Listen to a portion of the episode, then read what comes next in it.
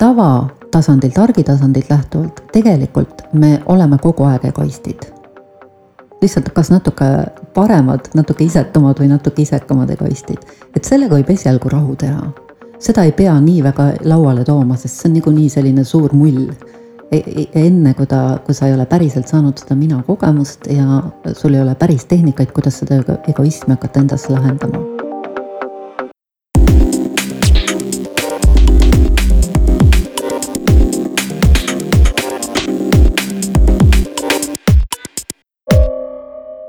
nii, me oleme jõudnud tagasi stuudiosse salvestama ja meie tänaseks teemaks on siis äh, suhted. ja ilma pikema minu lubata Annika läheb kohe sissejuhatuse juurde ja räägib meile lähemalt, mis me täna räägime. suhted on selline teema, mis, äh, mis on meie elu nagu põhisisu. ehk äh, ja suhted on millegipärast eh, selline osa meie elust, mis tegelikult võiks olla kõige ilusam, nagu kõige rõõmupakkuvam asi üldse. aga paraku on sel-, selles osas just kõige rohkem probleeme. ja see kajastus ka nendes eh, küsimustes, mis meile tuli päris palju suhete küsimusi, üks valusam kui teine. ja mm, järelikult probleem on olemas. nüüd alati, alati äh, kui sa hakkad midagi lahendama enda elus, mis ei tööta, siis äh, pead alati ava- või lähtuma sellest, et see asi tööle saada, et mis, äh, mis on selle asja nagu põhijuur, miks mingi asi su elus ei, tööle ei hakka. nagu ma esimeses episoodis rääkisin, siis äh, kõikidel probleemidel on üks ühisosa, kuidas neid lahendada. nimetatakse seda esimese sammu seaduseks ehk esimene samm on mõistlik alati mitte kohe panna sinna sellesse probleemi, kus sa ise juba sees oled, mitte veel sügavamale sisse. proovida hakata nagu lahendama äh, seda sellest segadusest, milles sa seda probleemi koged ja selles emotsioonide tulvas ja, ja mõtete tulvas, milles sa oled. vaid et sellest üldse sotti saada, siis kõige arukam aste, mida sa saad teha või esimene samm, mida sa saad teha, on samm tagasi. ehk tõmba ennast tagasi sealt seda siis nimetatakse jooga keeles teadvale tulekuks ja teaduse keeles metatunnetuseks Te. teeme kohe läbi, kuidas see käib. ehk tegelikult ta tehniliselt on nagu hästi lihtne.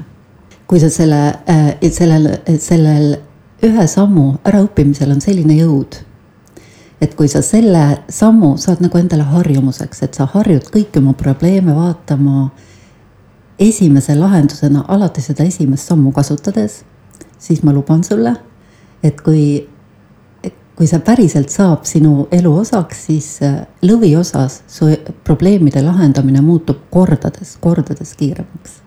eks see on lihtsalt nii arukas, nii mõistlik teha. eks see väike pingutus, mis, mis noh, paratamatult, kui sa mingi uue asja oma ellu sisse tood, nagu paratamatult sellega kaasneb mingi niisugune väike pingutus. et see tasub ennast metsikult ära aga teeme paar sellist lihtsat harjutust äkki. kogu selle podcast'i point on, on ju mitte tuua sihukest infot juurde, mida infot on kõik maailm täis. vaid noh, kogu selle minu töö point üldse läbi kõige selle kahekümne aasta inimestega on olnud just nimelt see, et need keerulised kõrged joogateadmised ja siis teaduslikud teadmised inimese äh, elu juhtimisest tuua nii lihtsale tasandile, et nad tõesti on hästi praktiliste nagu titesammudena nagu reaalselt tehtavad. ja just nimelt alati ma olen liikunud nagu selle maksimaalse lihtsuse ja minimalismi suunas. et kuidas on kõige-kõige vähem vaja nagu teha midagi, ehk leida need kõige-kõige olulisemad punktid, mida sa pead mõjutama, et saada selline suur muutus. sest keeruliselt oskavad ju kõiki asju teha. point on, see lihtsus on see nagu intelligentne e,. alusteadmine esialgu, et, et sellele nagu pihta saada, sellele teadvale tulekule või metatunnetusele, asjast välja tulemisele, eh, on vaja lihtsalt võtta endale või lubada endale selline teadmine, et kõik asjad asuvad ruumi sees. see on fakt, et kui sa viid näiteks oma eh, tähelepanu oma eh, väikesele sõrmele, tee seda praegu. nüüd tänu sellele, et su Eh, teadlikkus ehk sa teadvustad, ehk su tähelepanu on väikesel sõrmel, siis see on ainus asi, mida sa sellel hetkel aktiivselt koged või näed, eks see on sinu elu selle hetke nagu see selline episood. et kas sul on võimekus oma äh, tähelepanu viia ruumile, mis on selle sõrme ümber? tundub, et on. kui keeruline see on? ei ole keeruline. see on nagu ülilihtne. see on väga lihtne aga kas sa tuleksid selle peale ise kunagi? Pigem ei. pigem mitte. kui sa võtad selle sõrme asemele ükskõik mis teise asja, näiteks mingi emotsiooni, mis tuleb mingist probleemist, lihtsalt sa ei tule selle peale, et sel samal ajal, kui sa koged, oled nagu naha ja karvadega selle, selle näiteks vihaenergia sees, mida keegi sulle põhjustab, kes ei käitu selliselt, nagu sulle sobiks. sa ei tule lihtsalt selle peale, et häälestuda ümber selle emotsiooni kogemiselt ruumile, mis on selle emotsiooni ümber. See lihtsalt noh, see ei ole üldse sinu võimaluste väljas, sellepärast et keegi ei ole sulle nii lihtsat asja õpetanud. kas sa tead mingit asja siin maa peal, millel ei ole ruumi ümber või mis asi ei ole, ei ela ruumi sees? ei tea kõik asjad on, absoluutselt yeah. kõik asjad, millega sa tegeled või, või millega sa kokku puutud elus, absoluutselt kõik asjad asuvad ruumis. ehk ruum on nagu asupaik asjadele. Mida meile koolis ei õpeta ja see on nii tavaline, et noh, see on nii taust, nii selgelt taust, et keegi ei tähtsusta seda, sest me lihtsalt ei tea selle ruumi omadusi. nüüd joogateaduse eripära on see, et ta annab meile teada, et see ruum on intelligentne.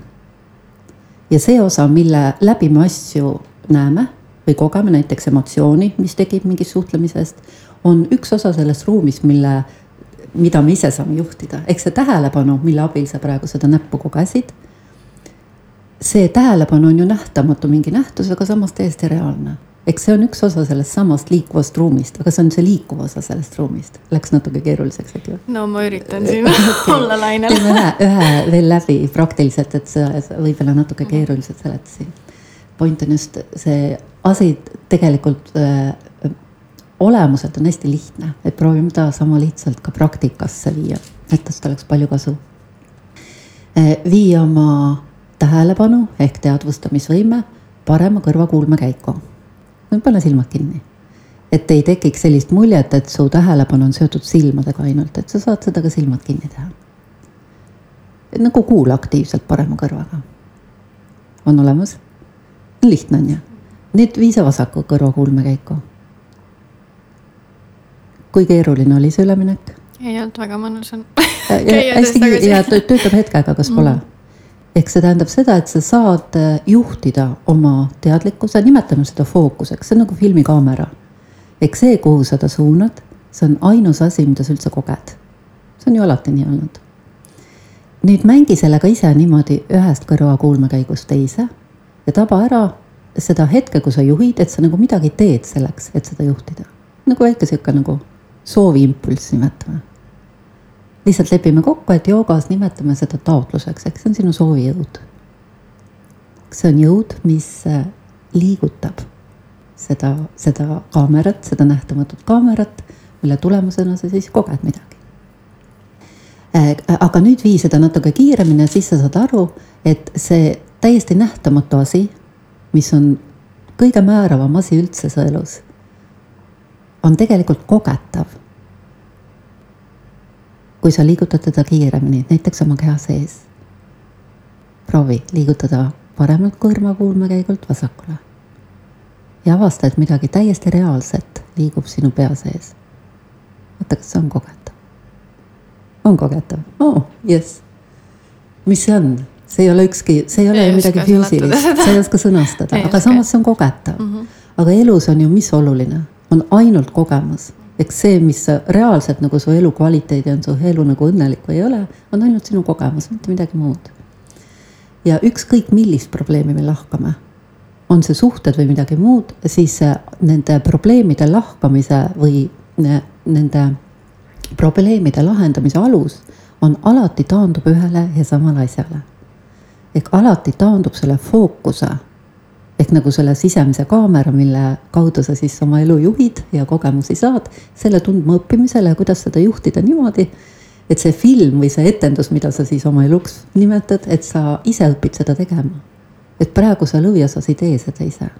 sest kui sa seda ise täiega oskaksid teha, milliseks sa kujundaksid ta endale?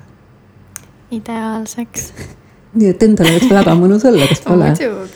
aga kõik need, aga miks siis on elus mingid sellised osad, mis nagu üldse ei ole mõnusad? mis on selle juurpõhjus, kui sa hakkad niimoodi vaatama? oskamatus no,. täpselt, et sa, sa ei tea, mida ja kuidas teha. et kui sa teaksid, eks see on nagu konkreetse praktilise sellise talupojatarkuse teadmise puudumine lihtsalt. et kui sa sellest teada saaksid, siis noh, loomulikult sa teeksid oma elu paremaks, kes siis ei teeks kogu selle hommiku podcast'i point ongi selles. Äh, lähme nüüd selle step ühe juurde tagasi, et mis, mis, milline on siis selle praktiline point.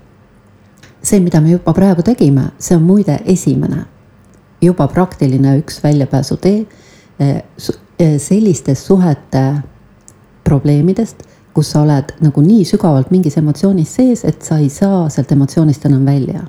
ükskõik, mis suhe see on, juhtub elus noh, keegi lihtsalt tuleb, ütleb midagi, sa lähed nii kaasa sellega, et sa nagu ei oska sealt enam välja astuda. siis see samm üks, et sealt välja astuda, ongi nii lihtne, et sa võtad oma selle teadlikkuse fookuse ja paned ükskõik kuhu. näiteks praegu kõrvakuulmekäiku, hästi hea on kasutada oma keha ehk teha oma keha peal nagu mingi selline justkui ankurpunkt. ehk luua selline sisemine nagu selline meetod hakkama saamiseks kõige raskemate olukordadega, mis alati töötab. mis on nagu alati, tuleb nagu varrukast kohe. näiteks ükskõik, mis situatsiooniga sa hakkama ei saa, vii teadlikkus kõrvakuulme käiku ja häälest ümber kuulamisele. ja ava, mis emotsiooniga juhtub. mis sa arvad, mis juhtub? Total relax ta, noh vaikselt ta taandub ära, aga miks ta taandub ära? sest sa ei tegele selle probleemiga. sa oled ruumis aga, aga sa ei sa ei tegele, mida see tähendab? see tähendab seda, et su teadlikkuse fookus, mis, kui sa kannatad alati ükskõik mis probleemi äh, või kannatuse käes, mis äh, tuleb mingist suhteprobleemist, siis ainult sellepärast, et su fookus või tähelepanu või teadlikkus, kuidas me seda nimetame, nimetame fookuseks edaspidi, on su keha sees. mingil emotsioonil, mis aktiveerub siis, mis on aktiivne ja sa ise oma fookusega hoiad seda üleval ainult sellepärast sa koged seda ja ainult nii kaua sa koged seda, kui sa oma fookust seal hoiad. kui sa nüüd vaatad seda nagu tehniliselt, kas see võikski olla nii lihtne? et sa nagu oled emotsiooni sees ja kannatad ainult sellepärast, et sa oled, istud sa oma fookusega seal sees. ja kui sa ainult tead seda, et sul on võimalik oma fookus lihtsalt sealt välja tuua, nagu kõrs sealt välja tuua kuskile mujale. ja siis natuke hoida, natuke on sellel emotsioonil inerts ehk õudne tahtmine on sinna tagasi ronida. aga kui sa lihtsalt hoiad rahulikult nagu mängid selle näiteks kahe kõrva kuulmekäigu vahel, siis sa ei panusta, ehk sinna alati, kuhu läheb su tähelepanu, läheb su energia, see on nagu kõigile teada, see on juba sihuke mainstream teadmine. ei ole midagi erilist enam.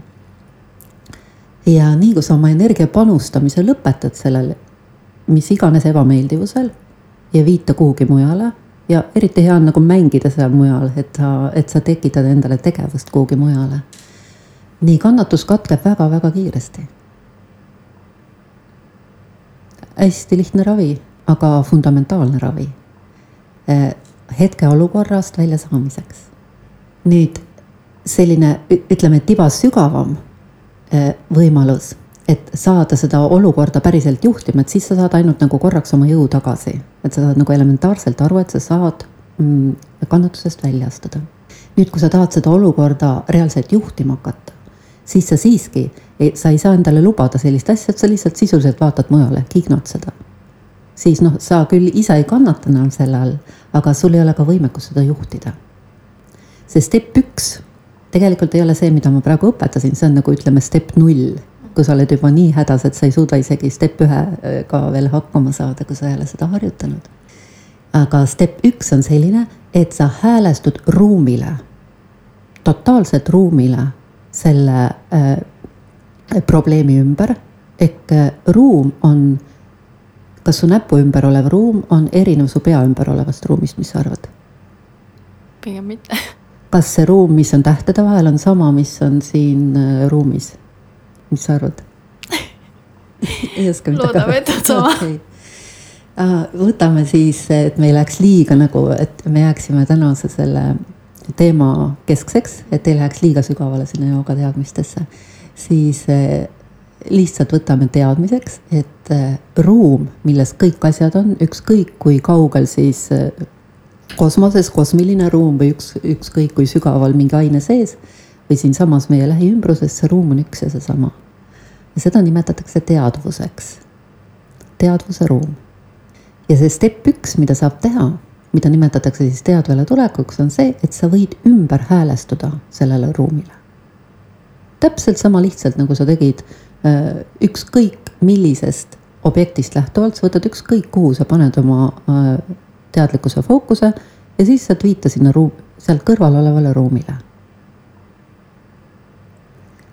hästi nutikas on õppida seda tegema niimoodi, et sa harjutad ennast hoidma oma fookust äh, natukene kogu aeg ruumil ja natuke avardunud ruumil, niimoodi, et sa õpid nagu nägema iga situatsiooni mitte näitleja seisukohast justkui, vaid sa näed seda nagu tervikuna läbi selle, et sa oled natuke laiendatud vaates. ma ei tea, kas see on nüüd arusaadav või liiga keeruliseks läheb. no ma proovin paremini seletada. ehk äh, teeme ühe praktika jälle, niimoodi on alati kõik kõige paremini arusaadav. Äh, pane korraks silmad kinni nüüd vii oma äh, teadvustamisvõime, vaata, kas sa saad kogeda oma pead, ilma et sa teda puudutaksid käega. et sa lihtsalt koged peas olevat tihedust. on see võimalik? lihtsalt sa nagu koged, et su pea on olemas. nüüd äh, häälestu, natuke proovi kogeda ruumi, mis on pea lähiümbruses. natuke laienda, et pea ümber on ruum. avasta, et toimub lõdvestus kergelt nüüd laienda veelgi proovi nagu nat-, järjest-järjest natuke laiendada, kuniks sa koged siin selle toa suurust ruumi. vaata, kas see on võimalik. noh, umbes. nüüd õrnalt lase veel lahti, eks soovi nagu, et õrnalt see ruumi kogemus laieneks nii kaugele, kui see on sinu jaoks normaalne. lihtsalt lõdvestu sellesse nüüd vaata, kas sa saad niimoodi teha, et sa hästi õrnalt nagu hoiad seda ruumi teadvustamist äh, alal. ja äh, teed silmad lahti ja vaatad mulle otsa samal ajal. aga niimoodi, et sa nagu osa, näed mind, aga samas tabad ära, et see situatsioon, kus me sinuga oleme praegu, on ruumis toimuv sisuliselt nagu mäng. ehk olen mina üks näitleja, sina oled üks näitleja ja see toimub äh, teadval oleku ruumis. ja vaata, kui sa niimoodi seda asja koged et sa natukene selle tausta, mis muidu on taustal, natuke tood esiplaanile. ehk natuke tood ka nagu ühe, üheks osaliseks siin. siis sul tekib hoopis teine vaade. sul tekib nagu selgus. ja sa ei ole enam nagu uppunud iseenda reaktsioonidesse, tunnetesse ja mõtetesse, mis siin situatsioonis toimub. vaid sa nagu näed ka mind näed nagu natuke oleks siin teisi inimesi veel, siis sa näed nagu natuke selgema pilguga kogu situatsiooni ja sellel het-, sellest hetkest alates, kus sul nagu harjutad ennast olema sellises ruumivaates, sul tekib, sisuliselt tekib täiesti teine intelligentsi aste seda kogu situatsiooni juhtida. nii oma sisemaailmas kui väljaspool oma sisemaailma. ehk siin tekib natuke nagu, kuidas sa koged seda, et on natuke sihuke nagu kõrvaloleku pilk ka, ehk natuke kainem, kainem vaade. mul on isegi sihuke tunne, et ma nagu, mul ei ole midagi öelda, ma lihtsalt tahaks vaadata selline teistmoodi tunne on. ja vaata, kui, kui keeruline see oli teha, kas, kas oli keeruline? niimoodi juhendatult on väga mõnus, aga jah, võib-olla igapäevaelus seda ise teha, siis võtab aega veidi, aga. aga see on lihtsalt harjutamise asi. selleks me teeme neid juhendatud medikaid mm -hmm, siia kõrvale. ehk äh, veel kord, et ükskõik, sõltumata probleemist ehk kogu jälle veel kord, et selle hommika podcast'i point on jõuda probleemide juurdeni. niimoodi, et sa saad eh, kõigepealt ennast sellesse ruumivaatesse ehk metatunnetusse, teadvel olekusse ja taba ära, sellega juba kaasneb rahuseisund, kas pole? ja sihuke nagu silm jääb juba nagu su nägu on juba muutunud, ehk kõik on nagu sihuke nagu relax, nagu täielik relax, juba mõnus on olla ja kui keegi sinuga suhtleb sellisest seisundist ehk tuleb, nimetame siis teadvel olev inimene, ehk ta on natuke avardunud vaates ja selline intelligentne, sellega kaasneb loomulik juhtimisvõimekus, intelligentsus, mis tuleneb sellest rahuseisundist, mis teadvuses või selles teadvuse ruumis, mis on selle ruumi omadus, see on juba seal olemas. sa ei pea seda rahu tegema. ehk üks põhi äh, nähtuseid, mida iga inimene siin maa peal tahab, on rahu. Tead sa inimest, kes ei taha rahu? no ei ole. ja kõik otsivad seda mida iganes tehakse selleks, reisitakse tohutult, raha kulutatakse. kui, kui inimesse oleks sisse juurdunud või meile nagu alghariduses sees see rahuseisund kui meie normaalne olek. Eks see olekski meie, meile õpetatud kui nagu kõige igapäevasem olek võrreldes sellega, et me oleme, meie jaoks normaalsus on see, et me elame emotsioonilt emotsioonile. eks see teadva, see fookus, mis praegu on avardunud natuke, eks sa haarad nagu kogu pilti korraga. meie jaoks normaalne on see, et mida iganes me teadvustame, et see tekitab meis vastureaktsiooni ja me kohe nagu kollapseerume sinna vastureaktsiooni ja me kaotame selle üldpildi vaate. Me muutume selliseks pisikeseks kannatavaks näitlejaks seal ja meil kaob ära see režissööri võimekus oma elu juhtida. ent kogu see jooga praktiline point nagu algtasemel on täielikult ümber õppida režissööri vaatesse. eks sa reaalselt hakkad ise hetkest hetkesse, e, elu on üks episood korraga, selles mõttes on hästi lihtne. ehk ainus, millega sa pead hakkama saama, on ainult see üks hetk. sa ei saa kunagi mitte midagi muud juhtida.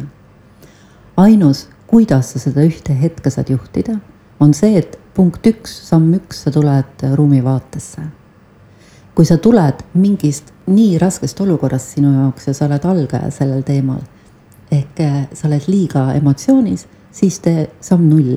ehk lihtsalt mängi oma fookusega, näiteks kahe kõrva vahel, kuniks tabad ära, et see sinu teadlik fookuse juhtimine juba annab sulle selle režissööri, eks sa oled nagu kaameramees, kes juhib ise, eks sa juba oled sellest näitleja, kannatava näitleja staatusest väljas.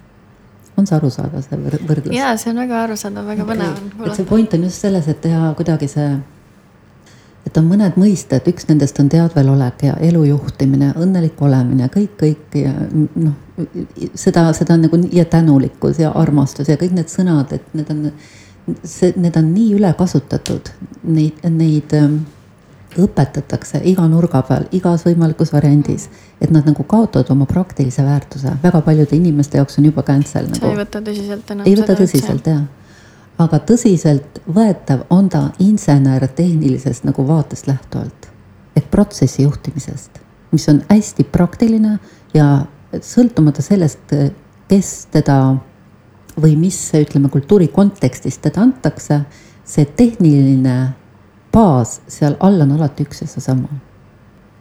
ja jooga ilu on selles, et ta võtab ära kogu vahu sellelt protsessilt, mis teeb ta just selliseks nagu sihukeseks sõu-sõu Äh, ja annab ainult selle inseneri äh, vaate ehk ainult praktilise tehnilise vaate.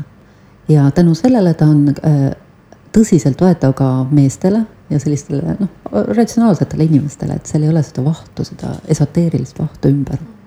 Mis, mis minu jaoks on hästi lummav, mulle hästi meeldib. ja noh, ta on täie, täiega teaduslikult selgitatav ja nüüd, eh, kui me nüüd edasi läheme selle, lõpuks selle suhte teema juurde, siis eh, suhte teema alustala alati, millest ma siis lähtun, ükskõik mis küsimus ka on, on see, et kõigepealt lõpetada see ohvrivaade ehk teist, teiste sõnadega saab siis vaadata, kui sa oled see kannatav näitleja seal, siis sa oled ohver. Ehk keegi teine nagu teeb seda näidendit sinu ees seal. nii sellel hetkel juba, kasvõi selle, sellel hetkel, kui sa selle nulltasandi endale teed, ehk juba sa hakkad teadlikkust ise juhtima, sa juba oled kaamera taga eks sa juba teed filmi, mitte sa ei ole filmi ohver. ehk alati esimene tee null kõigepealt, kui sa ei oska kohe ühte minna, siis tee step üks, minna ruumivaatesse ja siis on järgmine suur küsimärk. mis toimub? Ehk mis selles filmis on see, mida ma ei taha?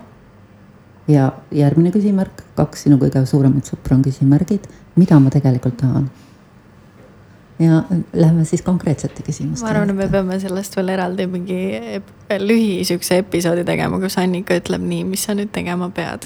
kõik küsimärgid ja kõik jutud, siis on nagu, kui sa oled seal sees, siis sa teed selle, paned kõrvaklapid pähe ja tead, kuidas käituda. ja, võib-olla küll. et lihtsalt mhm. ise panna seda igapäevaellu on tegelikult. seda peab natuke harjutama, aga kusjuures see tuleb päris kiiresti mm, -hmm. seda võib ka üles kirjutada. mul on mm -hmm. õpilastele, ma olen sihuke lühimanuaalid teinud või sellised mm -hmm. mingid, mingid. ühesõnaga, te võite meile kirjutada, kui te soovite Annikalt seda lühiõpetust, kuidas käituda, siis äh, rasketes olukordades. okei, aga lähme küsimuste juurde. jällegi küsimust on elulisem kogu ja. see lugu võib-olla äh,. kuulajate küsimused, me oleme siit praegu neli tükki välja valinud, kui me jõuame, siis äkki võtame mõne veel. aga esimene küsimus siis on selline, et äh, kuidas näha ärritavast inimesest või probleemist kaugemale ja hoopis püüda seda inimest mõista ja läheneda kaastundega kordame sellesama asja üle, ehk äh, esimene asi, mida alati sina teed, on see, et sa väljud selle inimese tekitatud kannatusest. ehk ärritav inimene sinu jaoks tähendab seda, et tema käitub kuidagi niimoodi, et tema teeb sulle haiget piltlikult. ehk tema, äh, see, mida ta ütleb või mida ta teeb või tema hääletoon või see sõnade info, mida ta sulle annab see mõjub sulle niimoodi, et sina tunned ennast halvasti. nii, kui tekib selline hetk, et sina tunned ennast halvasti kellegi teise tõttu, kes sa siis selles äh, näidendisüsteemis oled? ohver. absoluutselt, absoluutselt. nii, sellel samal hetkel, kui sa oled ohver, sa ei saa mitte midagi juhtida. sellega sa pead harjuma. ehk siit lähtuvalt alati, kui sa koged, et sul on halb olla nimetame seda ükskõik, mis emotsioon ta on, mis on negatiivne, nimetame üldnimetusena psüühiline valu või lihtsalt valu. mis ei ole füüsilisest valust, me praegu ei räägi üldse, et kui ma ütlen valu, siis see on psüühiline valu. kui sa nimetad selle ümber, et valu alati on ohvriseisund ja see on alati ebaintelligentne, see tähendab seda, et sina hetkel ei juhi mängu vaid sina kannatad kellegi teise skripti käes nagu keegi teine, et see režii, selle hetke situatsiooni režii juhib keegi teine, keegi teine laulab ja sina helised selle laulu järgi.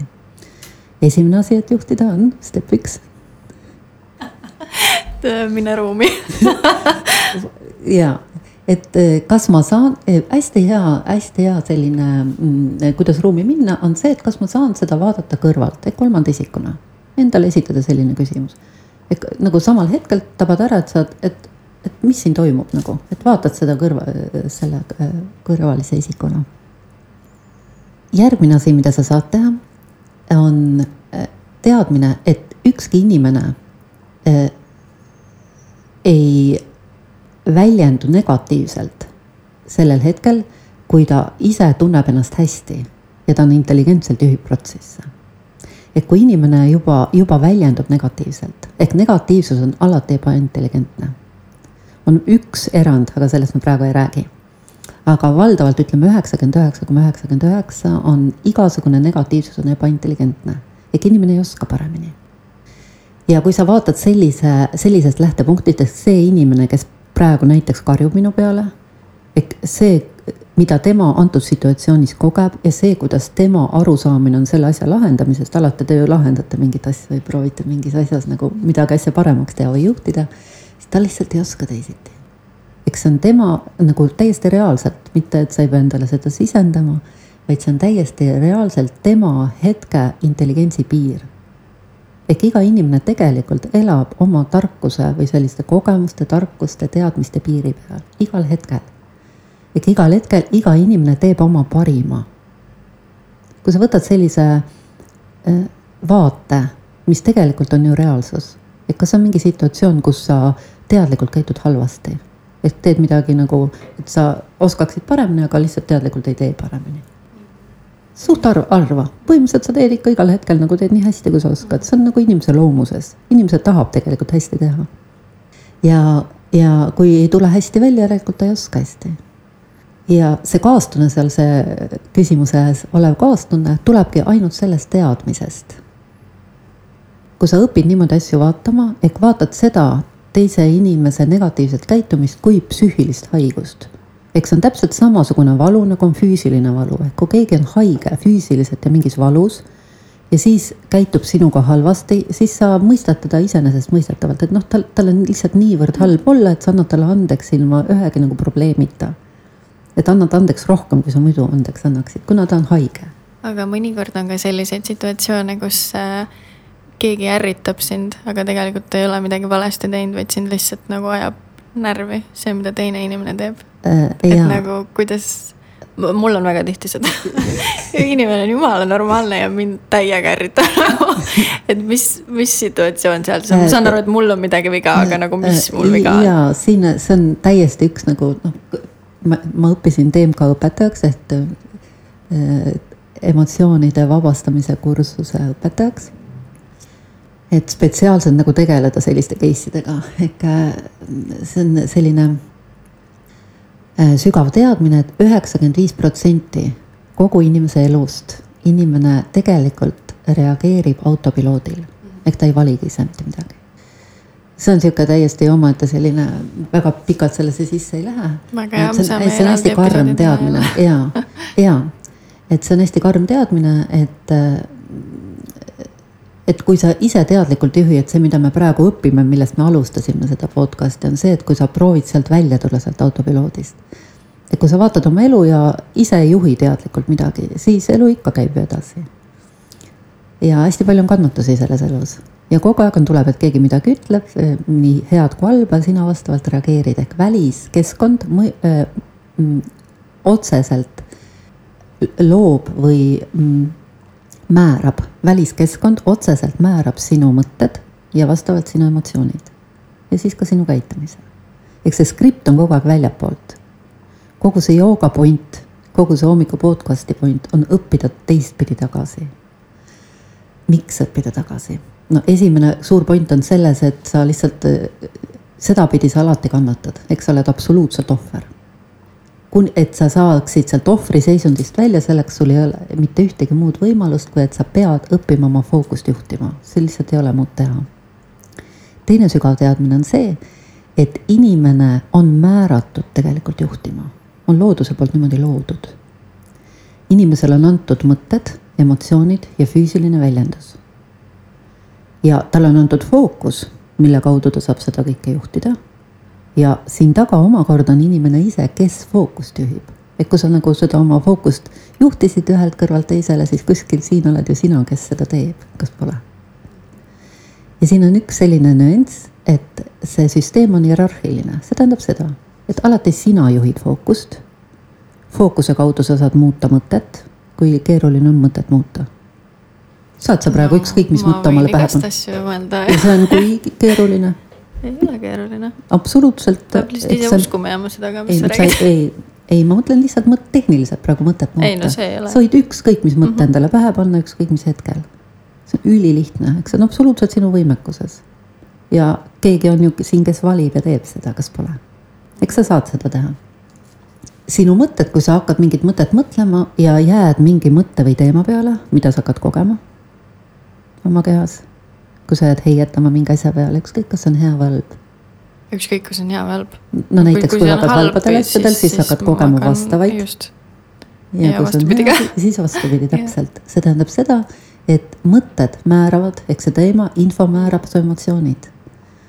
ja kes no natukenegi teab midagi füsioloogiast ja siis sellest äh, emotsioonide mõjust kehale, siis see mõju kehale on vastav ja ta on ühene, ta on hästi kiire kuni geenide muutuse, tähendab epigeneetikani välja ehk äh, see on, läheb tiba liiga keeruliseks. jälle oma sügavustesse. ja, aga noh, muutused kehale on väga drastilised sellega ja, ja inimeseks olemise üks põhieesmärk ongi õppida seda hierarhiat õieti juhtima, eks sina ise valid oma mõtteid, vastavalt oma emotsioone vastavalt füüsilist väljendust niimoodi, et see elu oleks sul kõige arukamalt elatud, kõige mõistlikum üldse.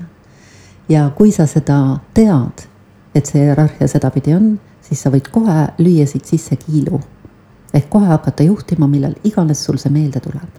eks see on see, millest me alustasime täna ja see, millest sa rääkisid, et see, kui sa oled selle üheksakümne viie protsendi sees, ehk sul on auto, sa oled sisuliselt automaatpiloodil ehk kohe alati esimene hetk, kui sa tabad ära, et sa kannatad millegi asja pärast, et keegi ajab närvi, ta ei pruugi isegi süüdi olla selles.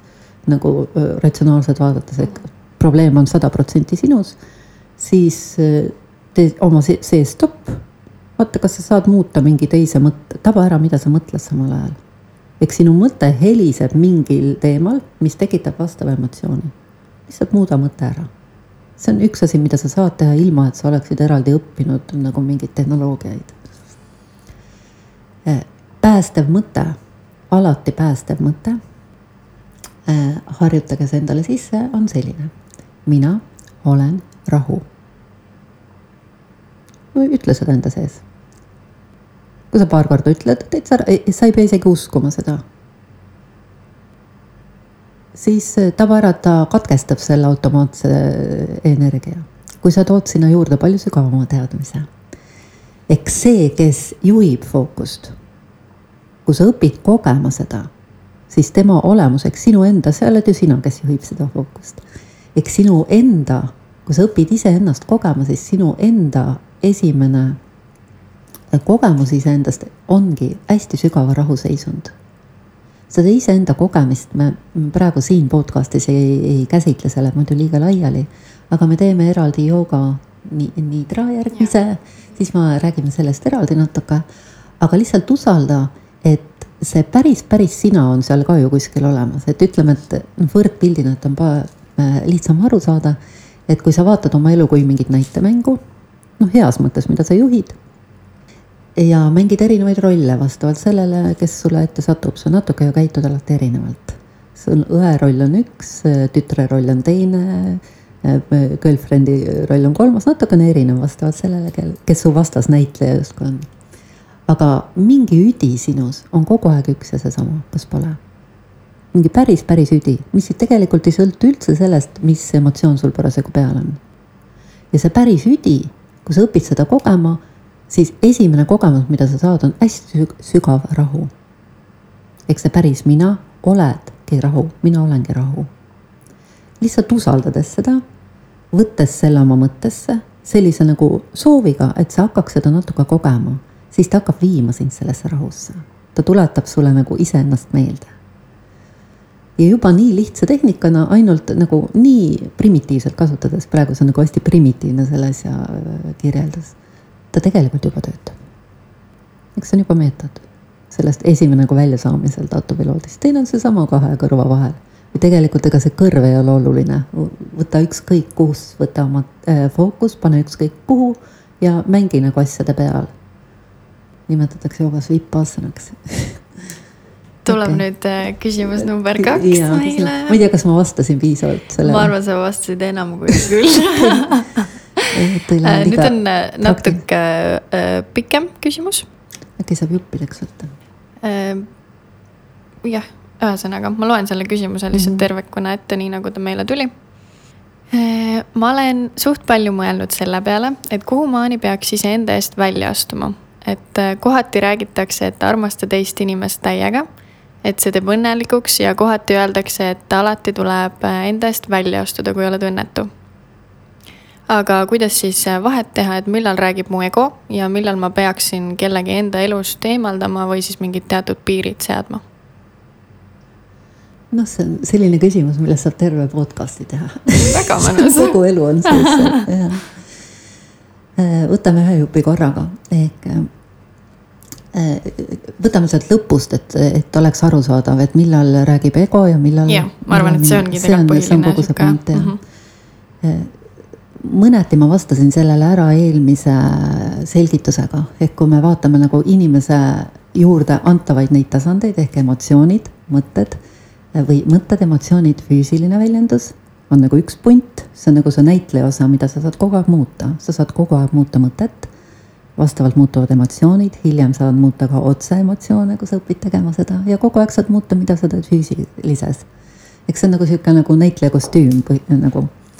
Aga see päris osa sinust, mis ei muutu mitte kunagi, see oled see päris sina. egoistlik osa sinus ongi mõtted ja tunded, mis on nagu hakanud see üheksakümmend viis protsenti, mis nagu elab oma elu ja millesse sa nii sisse lähed, et sa ajad ennast sellega segi, et sul läheb see, et mina olen rahu, see osa läheb täitsa meelest ära. eks sa tegelikult ei teagi seda tihti üldse, et see on olemas. Kuigi samas sa tabad nagu kogu aeg ära, et kuskil on see päris mina ka siin taustal. aga kui, eh, kui sa seda spetsiaalselt nagu mingi teadmise või tehnikaga ei ole õppinud eraldi kogema, siis, eh, siis ta on nagu selline hästi segane lugu siin sees. ehk tavatasandilt, argitasandilt lähtuvalt, tegelikult me oleme kogu aeg egoistid lihtsalt kas natuke paremad, natuke isetumad või natuke isekamad egoistid. et sellega võib esialgu rahu teha. Seda ei pea nii väga lauale tooma, sest see on niikuinii selline suur mull e. E enne kui ta, kui sa ei ole päriselt saanud seda mina kogemust ja sul ei ole päris tehnikaid, kuidas seda egoismi hakata endas lahendama. et see on selline noh, a la need sõnad armastusest ja jumalast, mida, mis, mis, mida kõik räägivad, et egoism on seal sees ja isetus ja isekus on sealsamas pundis nüüd selle eh, punkti, eh, ma võtan selle järgmise jupi sealt, et millal peab iseenda eest seisma ja millal mitte. ma alustan ühest näitest, ehk ma paar aastat tagasi mind Anne-Daniel Karlsen kutsus suvelaagrisse koduvägivalla ohvrite ait-, aitajaks, siis see oli nendele tehtud tegemist oli noorte, ilusate, tugevate, tarkade naistega, kes olid jõudnud aastaid ja aastaid nagu sellisel, sellisele äh, tasemele, et nad lasid sõna otseses mõttes ennast peksta nii psüühiliselt kui füüsiliselt. noored, tugevad, terved, äh, ilusad naised, kõik eranditult, äh, jõukatest kodudest. see oli selline noh, väga silmi avav vaatepilt mulle, mis seal avanes. Äh, ma olin nendega koos neli päeva, püüdsin neid aidata nii palju, kui ma sain. ja mõneti see neli päeva õpetas mulle nagu inimsuhetest ja mismoodi nagu inimene, eks see on, mismoodi inimene saab oma jõu, väe oma elus kaasa rääkida, käest ära anda. ja see läheb niimoodi vaikselt käest ära, kui sa annad selle otsa käest ära, niimoodi, et tekib uus normaalsus, hakkab hästi väiksest asjast. alguses tundub hästi ebanormaalne, ehk keegi ütleb sulle halvasti, siis ta muutub järjest nagu läheb jõhkramaks, jõhkramaks, eks sa keerad ennast sinna sisse. ja varsti tundub juba see, et keegi sind lööb, on juba täitsa nagu okei okay,, et ongi normaalne elu äh, rusikareegel, ükskõik mis tasandilt sa, eks sa saad kasutada alati teadmisi vastavalt sellel tasandil, kus, mis on sulle kättesaadav, ehk kui intelligentne, kui tugev ja kui palju sul teadmisi on, ehk kui, mida sa saad kasutada. rusikareegel on see, et isiklik heaolu peab olema alati tagatud esimesena. et kui sa tunned, et ükskõik millises suhtes see hakkab sind hävitama, see tähendab seda, et sa koged negatiivsust ja sa ei saa sealt välja sa ei oska lihtsalt tulla sealt välja või sa ei oska midagi teha eh, oma negatiivsete emotsioonidega, ehk sinu suhe, eh, kui sa selle inimesega või kus sa iganes siis koos oled, on või keskkonnas, et see, mida sa koged, on selline püsiv negatiivne foon. siis tuleb teha kõik, et see lõpetada, sest see hävitab, sõna otseses mõttes hävitab. ta hävitab su keha, ta võtab järjest sult niimoodi, imeb jõud, jõust tühjaks.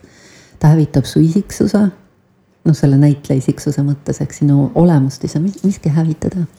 et mida kauem sa seal püsid, seda rohkem, äh, seda rohkem sa jõudu kaotad ja seda vähem sul tekib võimekus sealt nagu välja astuda.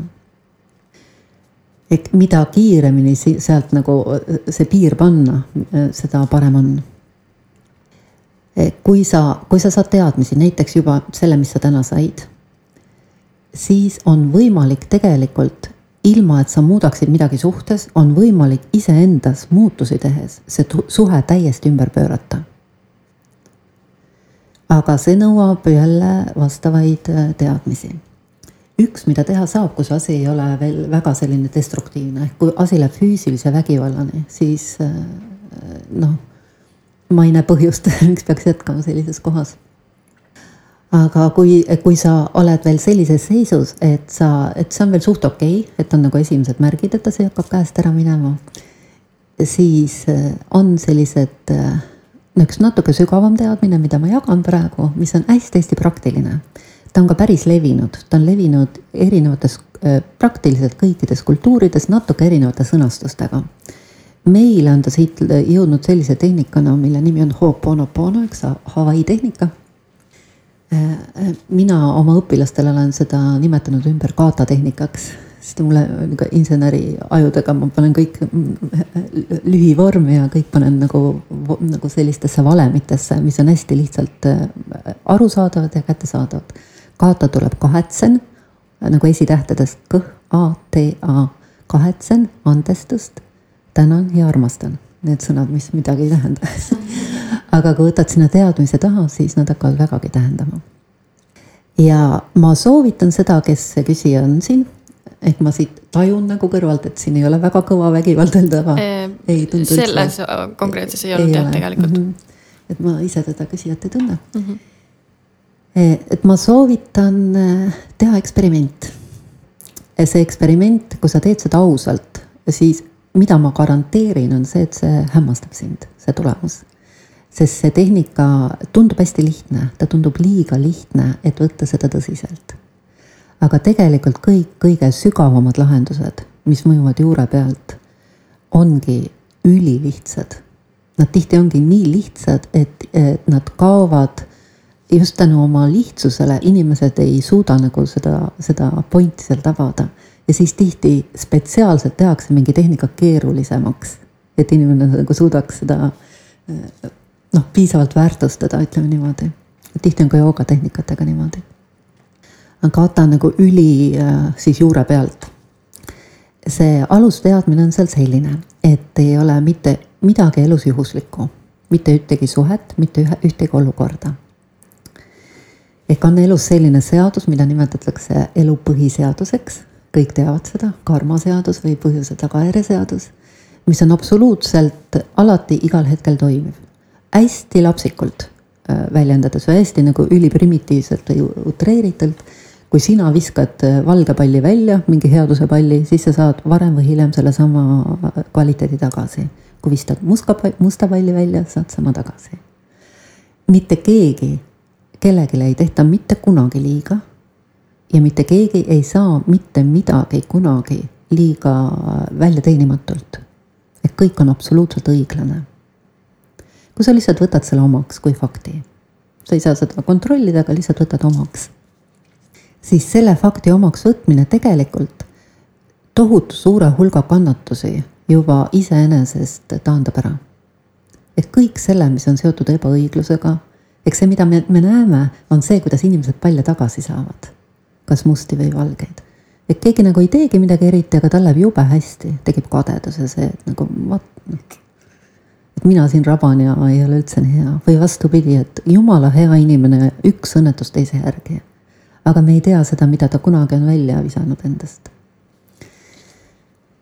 ja kui lihtsalt omaks võtta, üldse mitte teistega tegeleda, vaid ainus, millega sa pead hakkama saama, on oma elu, see on üks nüüd põhiasju, millest lähtuvalt üldse on mõistlik oma elu käsitlema hakata et lõpeta see teiste elude elamine, sest sa ei suuda oma elugagi hakkama saada, et vastavalt sellele, kuidas sa oma iseennast saad tugevamaks, tervemaks äh,, õnnelikumaks, vastavalt sellele tuleb sul tarkust, seda head energiat, kiirgust, selgust ja rahu, mida sa siis maailma tood täiesti reaalselt.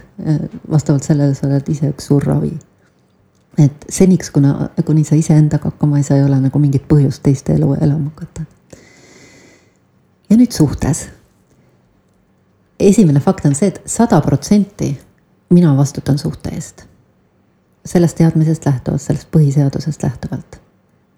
ehk minu vastutus on piiramatu. tänu sellele tuleb ka minu võimalus seda asja juhtida piiramatult. ehk alati, kui sa võtad millegi eest vastutuse, siis sul tekib samas ka võimekus nagu vabadus seda juhtida. ehk vastutus alati on seotud vabadusega. Alati selles osas, kus sa vastutuse enda käest ära annad, sul kohe tekib nagu null võimalust seda osa juhtida. See tuleb nagu endale hästi selgeks teha, see on üks elu põhi selliseid alustalasid, igal, igas asjas, suhetes eriti. ja nüüd, kui on mingi selline äh, suhe, siis ilma, et sa midagi teise inimesega teeksid, lihtsalt võtad endale teadmiseks, et mingi osa siis, mis sellest teises inimeses sulle ei meeldi, sinus kajab vastu kui valuna, nimetame üldmõistena valuna. Ja see, et see sellisel hetke, selliselt äh, niimoodi sinu hetke tuleb, sa oled andnud selleks mingi põhjuse kunagi. ilma seda teadmata, ilma ennast süüdistamata, lihtsalt. nüüd võtad sellise eelteadmise veel, et see ruum, mida me siin täna oleme siin mõnda aega käsitlenud, see ruum on üleni intelligentne. ehk selleks ei ole tegelikult väga palju vaja et sa seda ära tabaksid, ma arvan, kõik tabavad selle väga kiiresti ära. ikka on mingi sihuke überintelligents, mis kogu seda elu nagu üleval hoiab, ehk vaata ükskõik kuhu siis noh. see on lihtsalt niivõrd keeruline, et ükski noh, tekib aukartus paratamatult. ja see ja seesama überintelligents siis ju hoiab ka sinu keha elus kõike sinu süsteemi elus, ega sa ise ju ei juhi siin midagi ja lihtsalt usalda seda varianti, et, et ta, et ta nagu suhestub sinuga kogu aeg, ta niikuinii teeb seda. ja nüüd sa lihtsalt ja see valu, mida sa koged, on nagu selle elu, suure elu suhtes äh, midagi, mida sa oled teinud valesti. midagi kuidagi sa oled lõhkunud elu suures plaanis, et see elu nüüd, et sa koged seda hetkevaluna. ja siis lihtsalt enda sees äh, ütled sellise lause, et sa kahetsed seda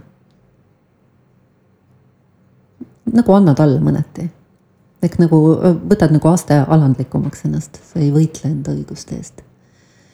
ja palud andeks, järgmine see, et palun anna mulle andeks. lihtsalt abstraktselt nagu paluda elult andeks selle eest. oled hästi tähelepanelik ja lased ennast ruumi lahti. ja avastad, et juba tekib muutus.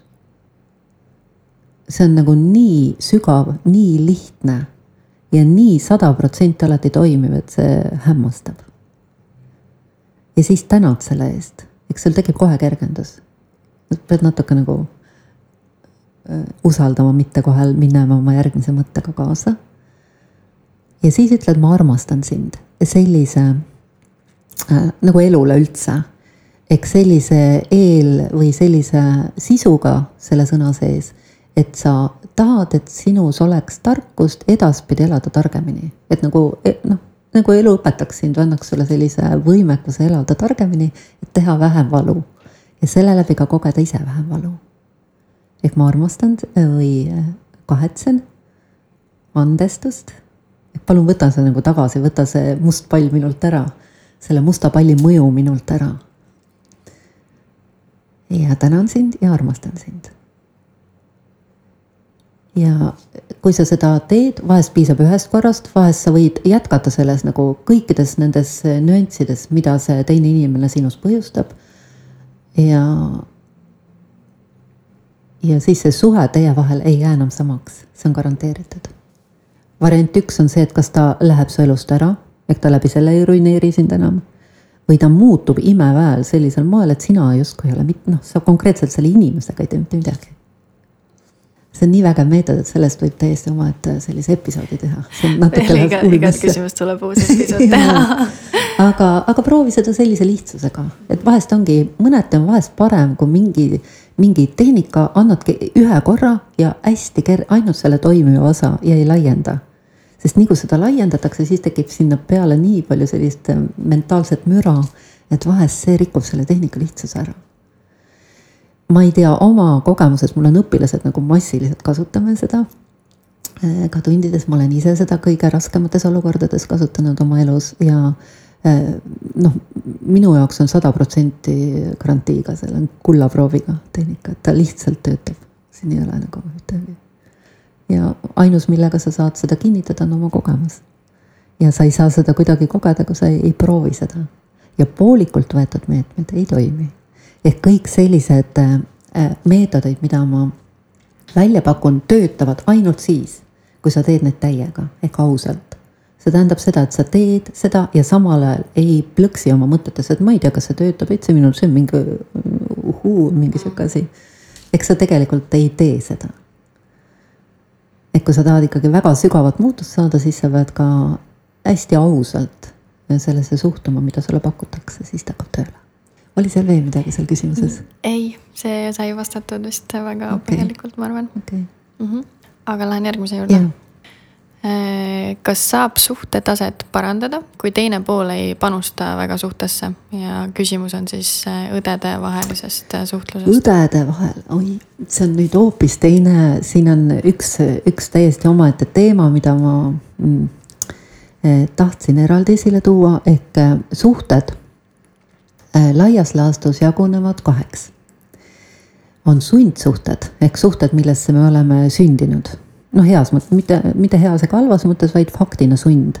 ehk me ei vali oma pere, päritolupere, me oleme sündinud sellesse, me ei vali oma õdesid ega vendi. Eh, me ei vali oma lapsi otseselt. ehk need on need ja need on lähiümbruses meil, millega me peame elama, kas me tahame või ei taha, ükskõik millistena nad meile on antud. Me, me kuidagi oleme nendega hästi-hästi tihedalt seotud. jälle sellest elu põhiseadusest lähtuvalt, seal on mingi põhjus, miks just need inimesed. minu äh,, tähendab vastus, ühene vastus sellele küsimusele on, et sa absoluutselt saab. ja teine küsimus äh, või teine vastus on, et kui sul on suhe kellegiga, mis ei ole selline äh, veresugulus nagu lähisuhe, siis sul alati on üks võimalus on alati, et kui sa nagu ei tunne ennast piisavalt tugevalt või sa ei taha, sa võid alati sealt välja astuda veresugulussuhetest põhimõtteliselt võid ka välja astuda, aga ma ei soovita seda teha. eks see on juba, see on nagu sellise kaliibriga õppetund sulle, mida on väga mõistlik teha endale selline väljakutse. et kõik, iga suhe sinu lähi, nagu lähiringis on alati, suhe on ainult kahe inimese vahel. ei ole peresuhteid. minu ühe pojaga on üks suhe, minu teise pojaga on teine suhe, õe, õega on üks suhe ehk need on kõik väga eraldiseisvad, väga konkreetsed asjad. et elu oleks nagu kordades kvaliteetsem, on väga mõistlik teha lähisuhted kümme kümnest ehk teha nad nii ilusaks, et paremad nagu lutsi nagu maksimaalselt heaks äh,. kuida- äh,, kuidas on äh, lihtne viis, üks meetod ongi see, mida ma õpetasin ennem, see Ho'oponoponoga, kõik, mis selles inimeses häirib, võtad ühe inimese ette näiteks, näiteks oma õe. ja kui on midagi, mis tema käitumises või olekus kajab sinus vastuvaluna, siis seda valu kogedes teed selle äh, kaatatehnika. et kahetsed, miks see millegi põhi, mingi põhjus on sellel, miks see sellisena on ja võtad ja teed seda nii kaua, kuniks sa tunned, et sina saad selle sees rahu. ja siis võid avastada, et midagi muutub ões hästi kummalisel moel. ilma, et sa otseselt teist inimest muuta ei saa ja sa ei tohigi teha seda. et nii kui sa proovid teist inimest, eks see on nagu kõige põhilisem võte, millega me püüame oma suhteid eh, parandada, on see, et me ütleme talle, et sa ei, sa ei, sa ei ole piisavalt austav minu suhtes, käitu minuga paremini või noh, tee seda, et mulle ei meeldi see sinu suhtes, mulle ei meeldi see, me loome nagu skripti teise inimese suhtes. ehk tahame, et tema käituks meie skripti järgi. kuidas see mõjub teisele, kui keegi sulle ette kirjutaks, et nüüd ole selline, mis sa teeksid? ma teeks risti vastupidi täpselt, nagu see teeb alati suhte kas paremaks või halvemaks? pigem halvemaks jah. no absoluutselt, pigem sada halvemaks alati ehk äh, see kõige levinum suhete lahendamise viis tavaliselt on kõige vähem efektiivne üldse, et äh, nagu noh, natukene kasuta tarkust selle koha pealt. Äh, nüüd natuke selline sügavam, kuna sellised lähisuhted, ma soovitan kasutada sügavamat lahendust, kui seal tõesti on probleeme, niisuguseid sügavaid probleeme. võta paber ja pliiats, kirjuta see suhe üles kirjuta kõik nii, nagu on, üks lause haaval, aga laused üksteise alla näiteks minu õde on ükskõikne, käitub niimoodi, on selline, võiks olla selline, ma tahan, et ta oleks selline, aga ta on selline, niimoodi rahulikult faktidena. lihtsalt äh, kirjuta ennast tühjaks, sõna otseses mõttes kirjuta tühjaks äh,. kui sa tahad panustada sügavamalt, siis õpi ära, kuidas vabastada kontseptsioone, see on omaette tehnika, seda ma siin ei, ei saa teiega jagada äh hästi sügav fundamentaalne teadmine joogasüsteemist on sankalpa srishti he. see tähendab, su mõtted loovad sinu maailma. see on, see on fakt. ehk meie kogeme, kui me kirjeldame näiteks oma suhet tõega sellisena, et äh, ma kirjeldan seda, mis on, et mu mõtted kirjeldavad. tegelikkuses, kui sa vaatad hierarhiat, siis on mina, on teadvus, teadlikkus, mõtted, emotsioonid ja siis füüsiline väljendus. mõtted loovad kõik ülejäänu. et kui sa vaatad oma mõtteid ja vaatad oma elu, siis nad kattuvad üks-ühele. see on täiesti teine teema, see on hästi-hästi sügav teema, millega ei saa lahmida aga mida natuke saab kasutada. ehk kui sa vaatad, kui sa kirjutad välja näiteks oma suhe õega kõik need negatiivsed asjad, mis sulle ei sobi. Ja siis hakkad tabama ära, kuidas sa hakkad nagu, kui eh, iga hetk, kui sa näiteks õega kokku puutud või kui sa mõtled tema peale, et kuidas su mõttes käib seesama lause, siis seesama lause lihtsalt, eh, sa ei saa sam sama lausega midagi teha, kui sa ei oska sellega teha, aga sa saad sinna kõrvale luua selle lause, kuidas sa tahaks, et see suhe oleks. eks selle samale paberile võta ja tee sellest lausest, mis, milline see suhe on, selliseks, mida sa tahad sellest suhtest ja sul tekib teine skript. ja nüüd kasutades, ehk meie kultuuris seda kasutatakse sellise sõna nagu afirmatsioonina. kuidas me kogeme afirmatsiooni? see on jälle sihuke sõna, mis on enamusel kohe on cancel kuidas me, me, me, meie teadmine on umbes selline, ehk ta on nagu vale. Ehk a la hästi sihuke räige näide, et olen vana, paks ja kole, lähen peegli ette, ütlen, olen noor ja ilus. olen noor ja ilus, kaks korda ütlen, siis hakkab, läheb endal süda pahaks, tabad ära, mõttes hakkab käima, et eh, kellele ma valetan, mida ma siin teen, noh, nii nõme on kõik see. ja see ei tööta, ehk tekib veel suurem nagu selline eh, crash enda sees kui sa võtad kasutusele selle teadmise, et sa mitte ei valeta ja ei sisenda endale midagi selle uue mõttega, mida sa lood näiteks suhtes õega, vaid sa kasutad oma võimet luua. mõtted on tegelikult antud sulle tööriistaks sinu võimega luua oma saatust ja elu.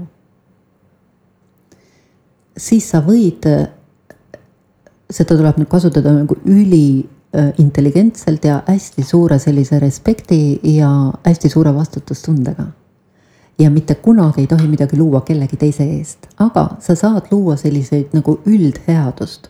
näiteks minu ja õe suhe on alati hea või harmooniline või täis armastust või midagi sellist, mis igal juhul on selline üldeluline. ja alati, kui sa, kui sa õega kokku puutud, nagu hakkad lähtuma sellest skriptist, mida sa tahad luua. proovi ja siis mitte praegu sina, sul ei ole seda probleemi, aga mõtlen selle, see vastus oli sellele küsijale. ja vaata, kas tekib muutus, siis anna tagasiside. aga, aga sügavamal tasandil jah, siin tuleb natuke sügavamat ravi teha, ehk puhastada välja see, mis põhjusel ehk see looming sellisena on kujunenud. oli veel mingi küsimus? ja me jõuame ühe küsimuse veel võtta Äh, kui olen enda ümber kogunud ambitsioonikad ja üleni positiivsed inimesed, aga mul on töökaaslaseks minuga täiesti vastupidiste maailmavaadetega inimene, kellega pean igapäevaselt suhtlema ja kes igal võimalusel oma negatiivsust välja näitab. kuidas suuta end sellest välja lülitada? kõik need, mida meetodid, mida ma juba neid äh, õpetasin, kõik need töötavad absoluutselt iga suhte puhul. aga ma annan ühe sellise hästi lihtsa nüansi veel ehk äh, esimene asi on see, et vaata teda kui haiget inimest. Äh, emotsionaalselt haiget, mis on fakt.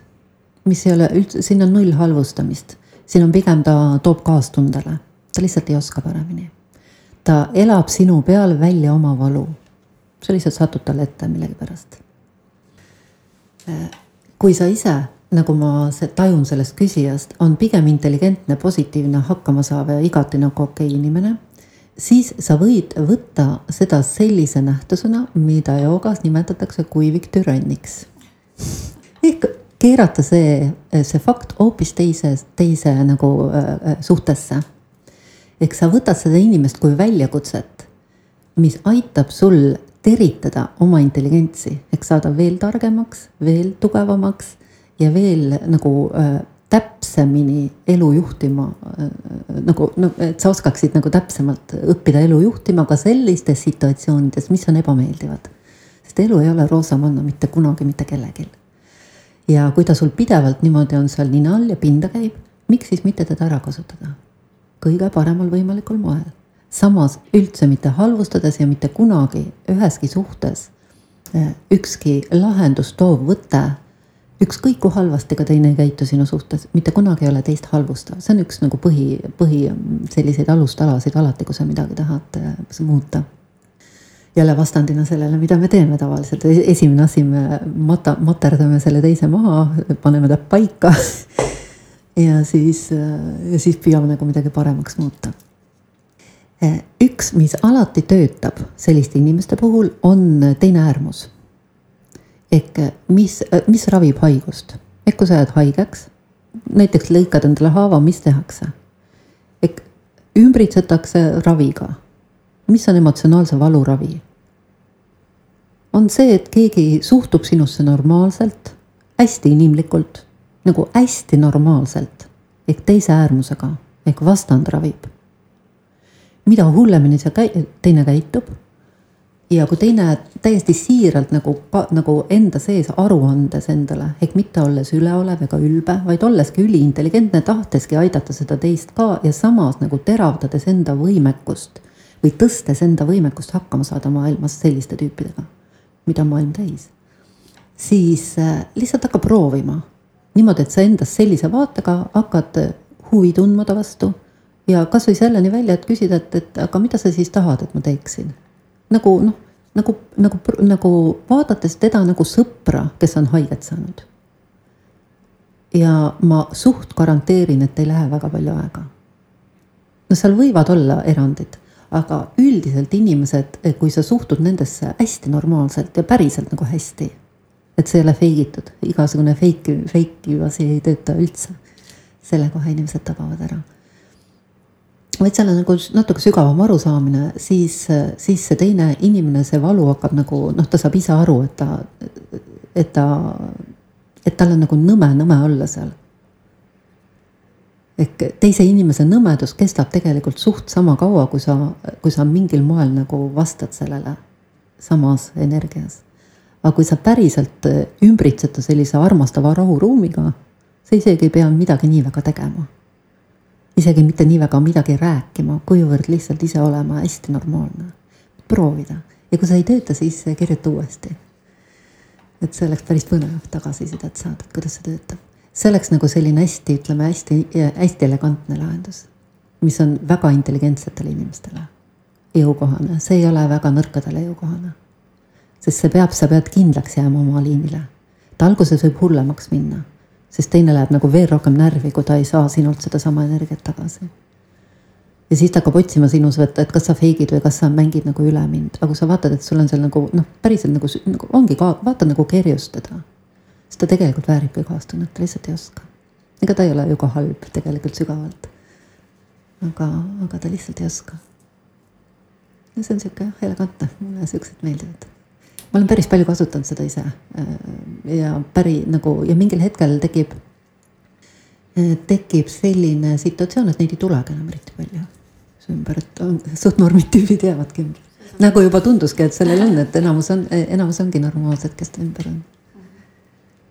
et see on hästi töötav jaa, aga aitäh nende vastuste eest. ma arvan, et kuulajad on, saavad väga palju tarkust ja nippe ja trikke, mida katsetada kui sul on tekkinud küsimusi meile veel, siis neid saab meile alati kogu aeg saata, kas äh, Hommika stuudios või Hommika podcast leiate meid igalt poolt.